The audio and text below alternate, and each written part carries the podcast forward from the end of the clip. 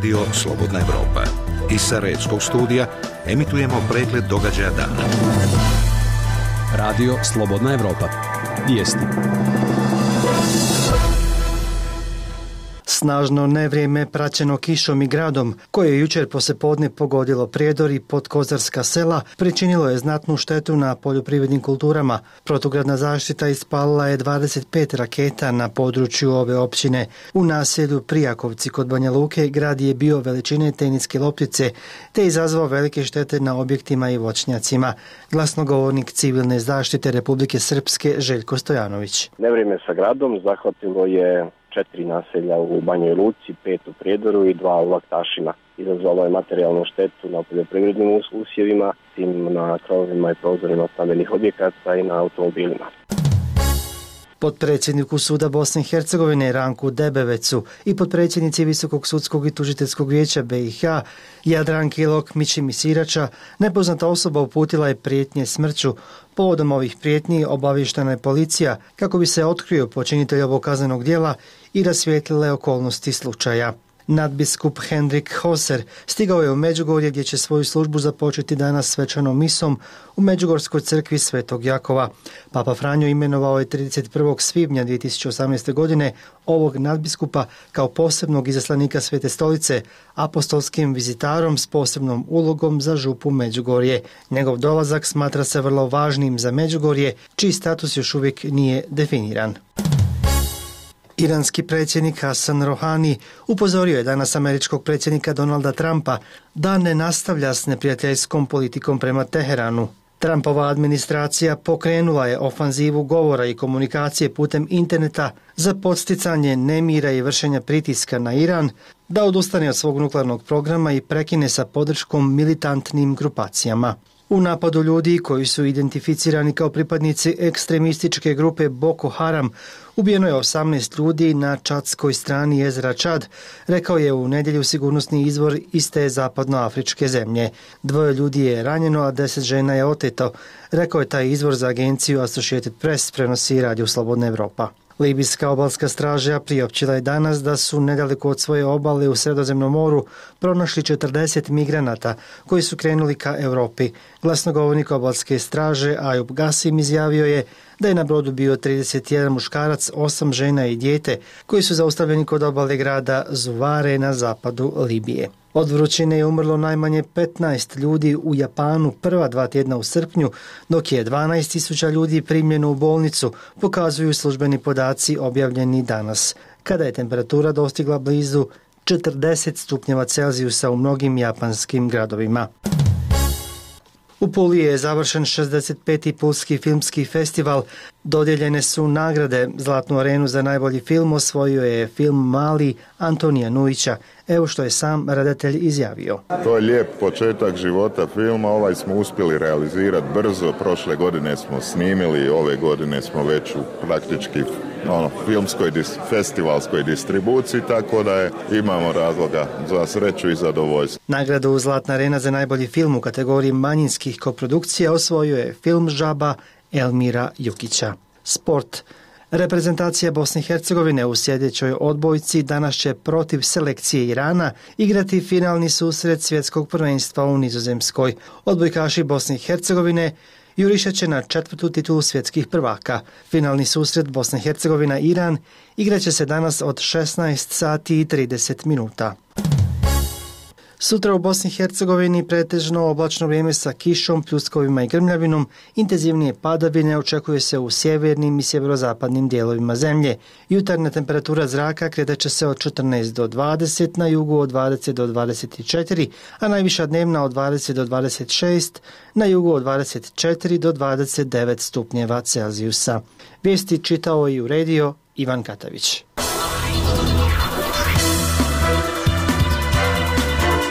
Radio Slobodna Evropa, program za Bosnu i Hercegovinu. Na vratima Evrope. Emisija o evropskim integracijama. Srdačan pozdrav, poštovani slušalci. U današnjoj emisiji za vas smo pripremili. U Bihaću otvoren mobilni kutak za djecu migrante. Moje zoveš Hršit, e, sedam godine, se tamo učimo, pišamo. Tužni dani i godine u izbjegličkom centru u Doboju. Nikakvog, nikakvog prava bi jedan ima. Nikakvog. Bez riječ sam, ogučena sam prepušten sam sebi. U Brčkom održan regionalni sastanak o deminiranju. Zajednički problem s kojim se susreću zemlje regije su minska polja duž graničnog pojasa, kojim se posljednji mjeseci u sve većem broju kreću ilegalni migranti s istoka prema zemljama zapadne Europe.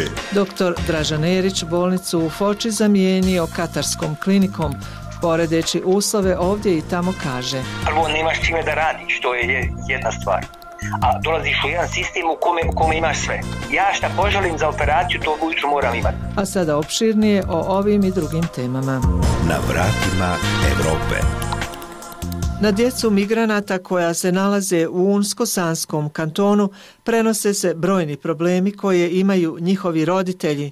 Neke porodice su i više od godinu dana u potrazi za novim domom i boljim uslovima života.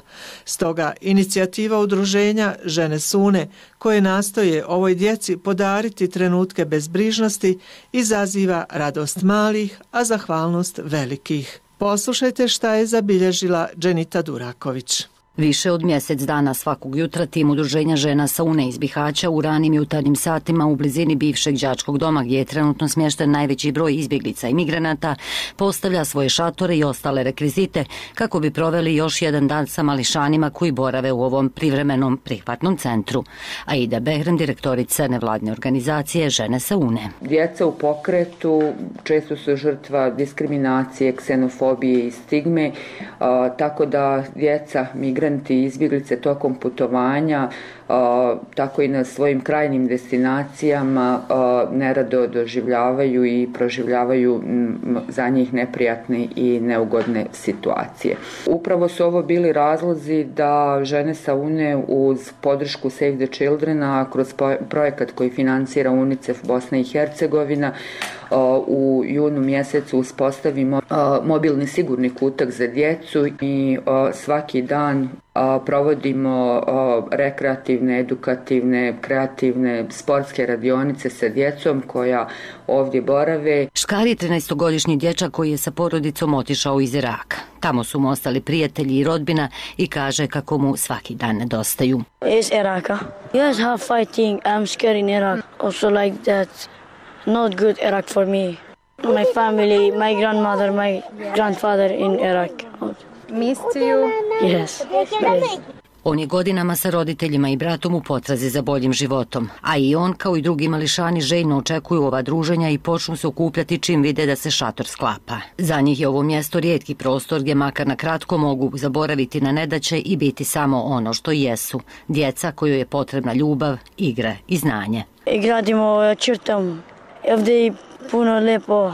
Moje Зовеш Хршид, седам години, Афганистана. И ја дојдем Србија, дојдем Босна. Имам четири брату, два сестру. Добре, нешта ради. Сртамо, учимо, празимино, пишамо лепто. Јас се зовем Асма. Ја имам 11 година. Ја, јас сум из Иран. E, imam jedan brat, samo ja.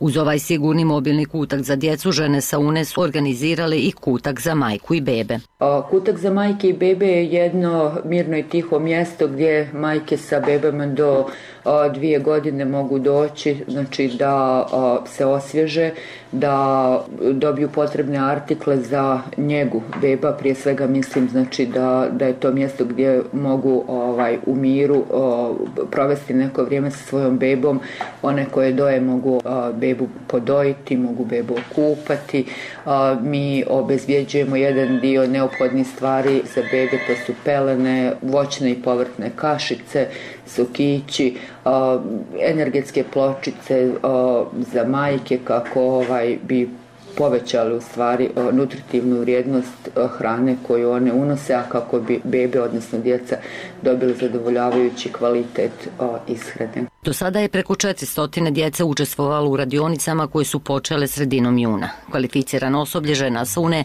prošlo je i dodatne edukacije kako bi rad sa djecom bio što uspješniji. I evo ja se nadam da ćemo i u narednom periodu i kad se riješi ova situacija sa konačnom lokacijom prihvatnog centra za izbjeglice i migrante u Bihaću kreirati još bolje uslove za rad sa djecom i olakšati njihovo djetinjstvo i boravak.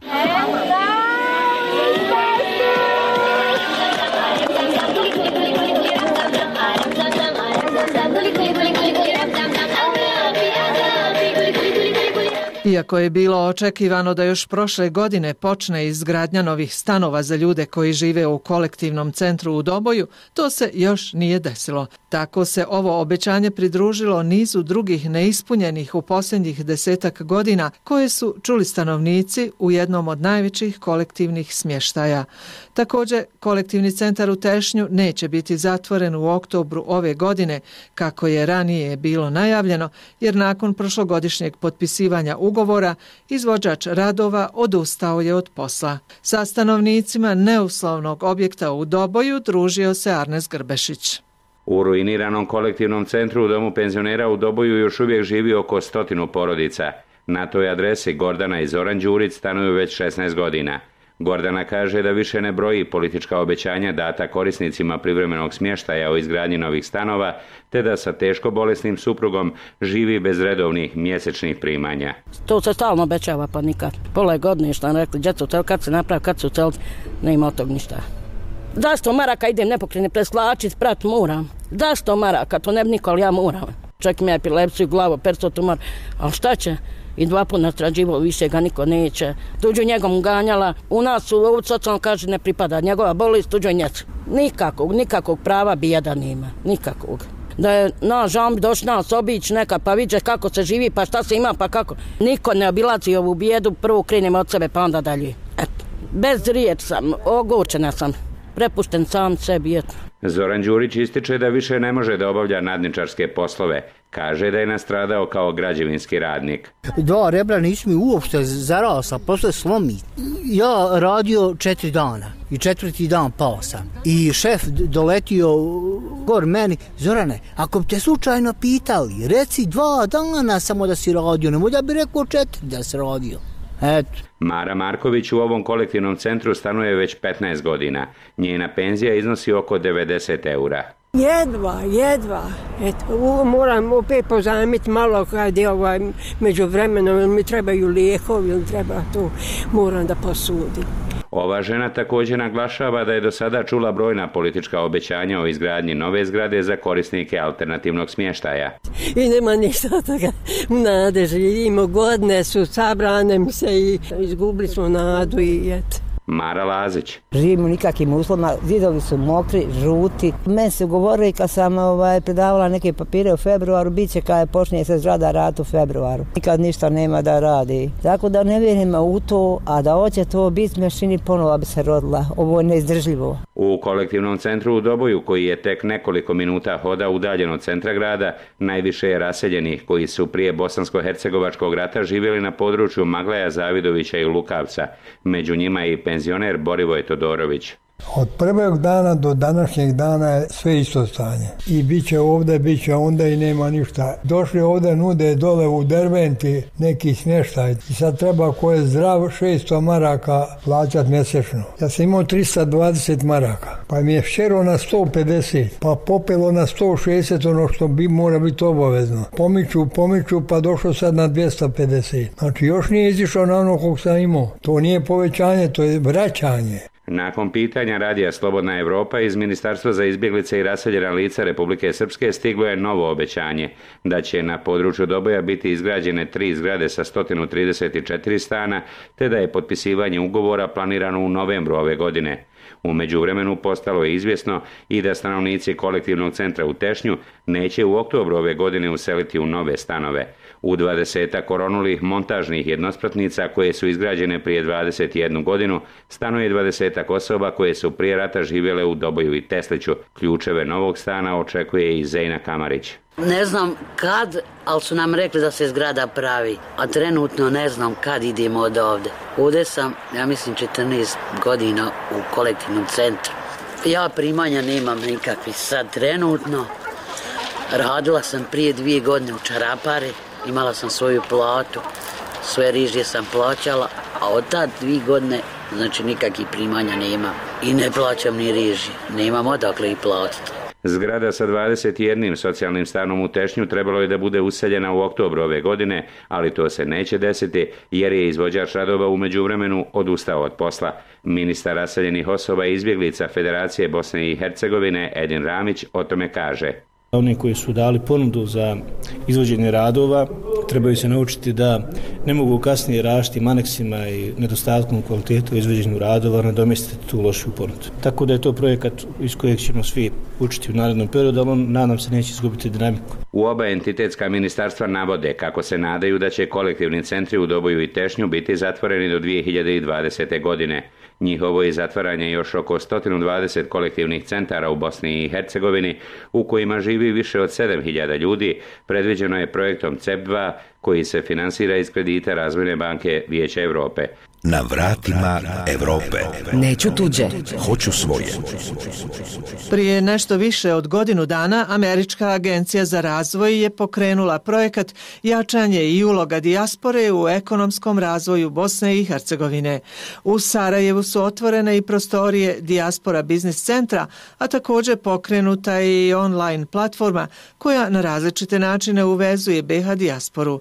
Pripremio Ivan Katavić. Ivan Vila, mladi poduzetnik iz Njemačke, početkom godine odlučio je otvoriti pogon za proizvodnju željezne konstrukcije u rodnom Kupresu. U ovaj biznis investirao je preko 600 tisuća konvertibilnih maraka vlastitog novca, a uz pomoć donacije USAID-a za strojeve, ukupna investicija premašiće milijun konvertibilnih maraka. Više je više emocionalno bilo, ja sam odavde i vidim kako mi ovo, moja krajina prilično najviše ono tone ljudi napušćaju državu, idu u druge države, nadaju se boljeg života, što stvarno nije tako. Ja dolazim iz tih zemalja i vidio sam jedno rješenje je da se zaustavi to bara malo, otvoriti pogon u Kupresu. I u taj soluciju sam ja krenuo, otvorit ćemo firmu da se nova generacija mora zaposliti, da ne mora napušati svoj rodni kraj. Naravno ima i, i zarade u tom svemu, ja moram živjeti od toga, ali više je bilo od srca nego ono da smo samo gledali novčanik. To se vidi na, u, u mom u mom objektu da je stvarno uloženo i u ekološnu zaštitu, i zaštitu na radu i u svim smjerima. Na sličan put odlučio se i Bojan Rankić, rodom iz Srebrenice. On 12 godina u Srbiji ima firmu za proizvodnju montažnih kontejnera. Početkom godine odlučio je otvoriti istu firmu u Potočarima. Cilj nam je bio starta zaposlio nekih 20 e, mladih ljudi. Prvenstveno smo gledali da to budu ljudi bez radnog iskustva. Kad smo obavili neki intervju za, za tih 20 ljudi, prijavilo se 280 zainteresovanih. Tu smo vidjeli da Srebrenica ima potencijal. Od tih 280, njih 180 sigurno bilo bez bez radnog iskustva i sve mladi momci od, od kažemo, od 18 do 25 ili 6 godina maksimum. Po prvi put firma postoje već 12 godina na teritoriji Srbije i bavili smo se odatle izvozom. Po prvi put za tih 12 godina mi smo došli do neke radne snage gde, gde nam kvalitetan majstor ima 20 godina gde je završio školu u, u, u, u Srebrenici i živi u Srebrenici i, i sad smo mi obezbedili to i da, i da radi i ostane tu. Alisa Vojić, direktorica je firme Intuitiva, koja je osnovana kapitalom iz Sjedinjenih američkih država. Firma se bavi proizvodnjom espadrila za američko i BH tržište. Pomoću USAID-a nabavila je strojeve za proizvodnju. Pomogao nam je, s obzirom za naš razvoj, su potrebne mašine. Mašine su jako skupe i na taj način, što, što će nama puno značiti, jer nam je u cilju da proširimo i, i broj radnika i za razvoj nekih drugih modela. Na primjer, za zimsku obuću potrebna je mnogo skuplja mašina gdje nam je USAID mnogo pomogao. Putem ovog projekta do sada su odabrane 23 kompanije u Bosni i Hercegovini. USAID im je donirao 800 tisuća konvertibilnih maraka. Zajedno s tim sredstvima i vlastitim ulaganjem otvorili su preko 140 novih radnih mjesta u Bosni i Hercegovini. Šef projekta Diaspora Invest Sanjin Arifagić. Radi se o kompanijama iz e, raznih sektora, iz metaloprerađivačkog, IT-a, a, a, i drugih, tako da, da nam je drago da postoji interes za investicije u razne sektore, također i, i dosta je geografski a, su distribuirani, odnosno diversificirani ti projekti. Imamo a, od ovih 11, 9 različitih gradova ili opština u Bosni i Hercegovini što je također jedan snažan signal da ljudi iz dijaspore uglavnom a, žele uložiti tamo odakle su i potekli, a, što mislim da je, da je a, a, nešto na što svakako treba vratiti pažnju gradovi, odnosno lokalne zajednice koji imaju problem u privlačenju tradicionalnih stranih investitora, koji imaju nešto veći prag rizika. Za razliku od njih, naši ljudi iz dijaspore znaju dobro mentalitet, kulturu, jezik, lakše se snalaze u ovom nekom našem birokratsko-administrativnom okviru a, i to je svakako jedan potencijal koji treba i, i iskoristiti u narednom periodu. U dijaspori danas živi 2 milijuna bosanaca i hercegovaca i njihova novčana podrška u bruto društvenom proizvodu Bosne i Hercegovine iznosi 14%, što svakako BH dijasporu čini ključnim pokretačem razvoja i investicija u Bosni i Hercegovini. Reforme za Evropu. U Brčkom je održan regionalni sastanak o deminiranju na kojem su učestvovali predstavnici Centara za uklanjanje mina iz Srbije, Hrvatske, Crne Gore i Bosne i Hercegovine. Na sastanku se razgovaralo o regionalnoj saradnji s posebnim akcentom na opasnost od mina duž graničnog pojasa kuda se kreću ilegalni migranti. Izvještaj Zorana Matkića. Zajednički problem s kojim se susreću zemlje regije su minska polja duž graničnog pojasa, kojim se posljednji mjeseci u sve većem broju kreću ilegalni migranti s istoka prema zemljama zapadne Europe.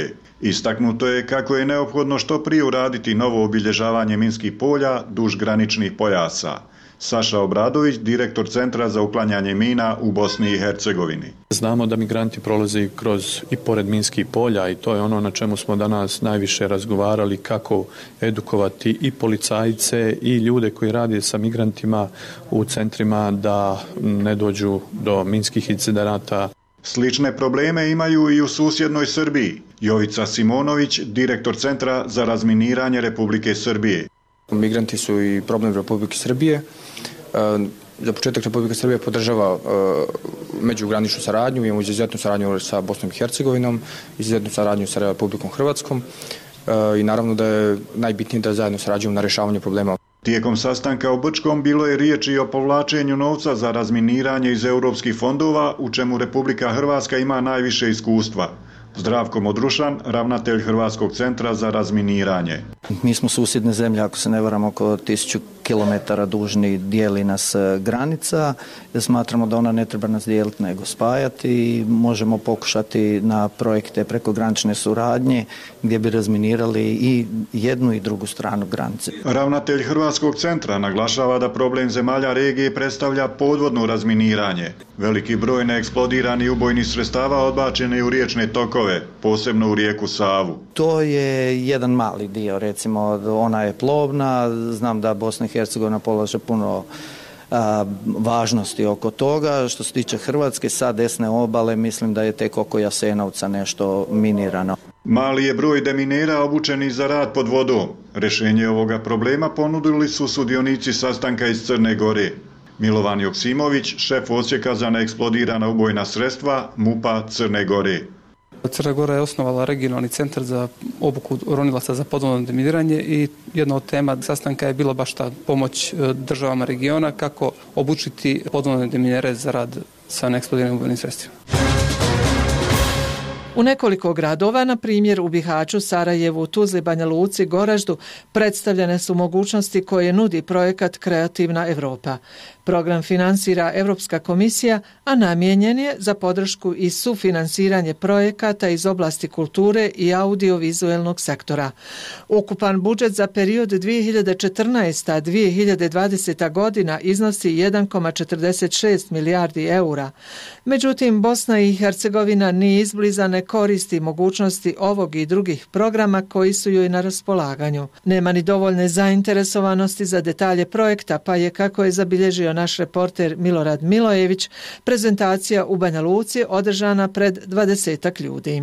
I to dovoljno govori koliko zapravo nema pravog raspoloženja za pisanje projekata prema programima koji se finansiraju kroz fondove Evropske unije. Andrej Bereta iz EU Info centra u Banja Luci ističe da bi se nekako morala probuditi proaktivnost građana kako bi shvatili ozbiljnu priču o evropskim fondovima. Ljudi sa našeg područja još uvek u malom broju apliciraju, da li zato što ne znaju dovoljno dobro ili zato što aplikacije nisu baš na onom nivou da bi prolaznost bila veća ali običavajuća stvar je da uh, skok uspešnosti ili procent šuta, ako vam tako više odgovara, je sve veći i veći i upravo s ciljem da podržemo proaktivnost ljudi, da se zanimaju, da apliciraju, da otkriju gde bi mogli kako da realizuju projekte, mi radimo ovaj posao. Šef deska u desku programa Kreativna Evropa za Bosnu i Hercegovinu Zoran Galić istakao je da od 2014. godine,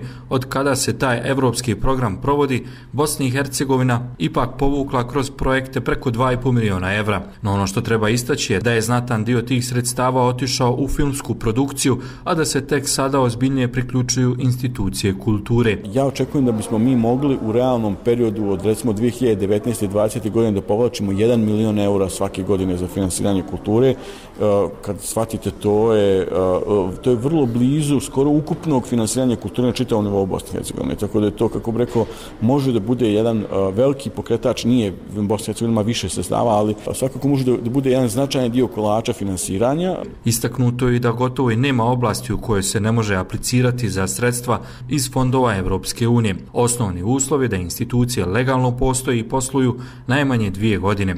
Sve drugo je stvar volje, kreativnosti i upornosti. Eurozona. Eurozona. Eurozona. Eurozona. Jedan od najboljih BH hirurga, Dražan Erić, novi je uposlanik bolnice Alemadi u Dohi. Naš dopisnik Alen Bajramović sa Erićem je razgovarao o njegovim iskustvima, razlikama između kvaliteta zdravstvenih usluga u Kataru i u Bosni i Hercegovini, ali i o statusu ljekara. Evo tog razgovora. Bolnica Al Emadi u Dohi ima oko 150 doktora i više od 800 uposlenih. Erićevim dolaskom za okružen je sistem namjenjen osobama koje zbog viška kilograma hiručki sužavaju želodac, prolaze poseban režim ishrane i fizikalne terapije, a potom body lift, odnosno hiručko zatezanje i oblikovanje tijela. Erić je oduševljen što je dio tima profesionalaca u zemlji koja je za godinu dana napredovala za 12 pozicija na ljestvici kvaliteta zdravstvenih usluga u svijetu svijetu i trenutno je na 13. mjestu. U zemljama zaliva ima najbolji zdravstveni sistem i zdravstveni sistem je tako organizovan gdje je sve elektronski, gdje oni imaju elektronske kartice. E, sve se to memoriše na njihovu elektronsku karticu i pacijent ima karticu koju on nosi e, i na njoj ima sve moguće podatke ovaj o operacijama, o alergijama, o ne znam, o, o tome sve. U bolnici u Foči Erić je pod starom lupom replantirao dijelove šake i radio najzahtjevnije zahvate iz oblasti rekonstruktivne hirurgije. Dolazak u najveću privatnu bolnicu u Kataru velika je promjena. Znači dolaziš iz jednog neuređenog zdravstvenog sistema u kome je znači haos.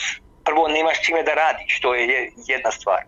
A dolaziš u jedan sistem u kome, u kome imaš sve. Ja šta poželim za operaciju, to ujutru moram imati od instrumenta do konaca do one medicinske one opreme neke ili ne znam nija, znači to sve mora ujutro biti u operacionoj sali. Estetske operacije u Kataru skuplje su za 3 do 4 puta, ali je standard stanovnika ove male zemlje neuporediv sa onim na našim prostorima. Na njega nisu uticale ni sankcije koje su Kataru nametnuli susjedi predvođeni Saudijskom Arabijom. Doha je sad trenutno jedno veliko gradilište, jer u, u cilju im je da do, da do 2020. otvore metro, a do 2022. izgrade osam stadiona za svjetsko prvenstvo u futbalu. Druga stvar, jeste malo uticala na početku ova, ova blokada od ovih zemalja, međutim, oni su tako brzo se preorijentisali na alternativne puteve, tako da sva hrana koja stiže dolazi brodovima iz Irana, preko Turske, iz Evrope. Cijena goriva je ovdje 75 feninga. Za četiri godine rada u Kataru, mladi bosansko-hercegovački hirurg će zaraditi plaću za koju bi u Bosni i Hercegovini morao raditi do penzije. Ipak ističe kako domovinu neće zaboraviti i da je spreman pomoći pacijentima i raditi operacije tokom posjeta Bosni i Hercegovini. Emisiju Na vratima Evrope možete i pročitati na našoj web stranici slobodnaevropa.org. Toliko ove nedjelje, poštovani slušalci. Hvala na povjerenju i ugodno poslijepodne želi vam Gordana Sandić Hadži Hasanović.